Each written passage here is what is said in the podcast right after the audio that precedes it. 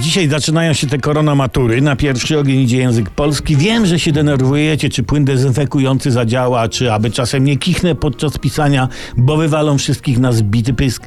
Martwicie się także, co będzie dzisiaj na maturze. Jaki temat? Najlepiej podejść do tematu odważnie i się nim w ogóle nie zajmować.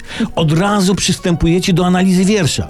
Będą to jakieś bredzenia w miarę współczesnego poety typu, ja nie wiem, Ksawery Rabarbar, który sam nie wiedział, co napisał, bo wiadomo, poeci jeden drugiego tronkowe byli i są. I słuchajcie, na stówę będzie wiersz o bólu istnienia, jak co roku. Bo ci, co układają testy maturalne, to lecą na mega powadze. Co zatem robicie? Omiatacie wierszydło wzrokiem, nie wgłębiając się w treść, bo oszalejecie i piszecie.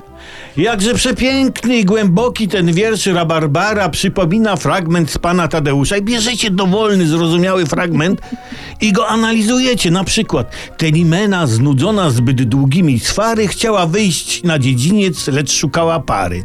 I lecicie. A Mickiewicz, podobnie jak poeta Rabarbar, opisuje dramat człowieka, który pod naporem swarliwych trybów cywilizacji nie ma już sił i tych sił szuka. Cytuję, Telimena szukała pary, no, bo, bo szukała, bo nie miała pary, czyli sił jej brakowało, prawda? Podobnie jak Mickiewicz, Rabarbar pokazuje człowieka bez wyjścia. Telimena chciała wyjść na symboliczny dziedziniec, który symbolizuje ucieczkę od tego wszystkiego, co powoduje, że człowiek jest zmęczony. I nie mogła. Jak u Rabarbara.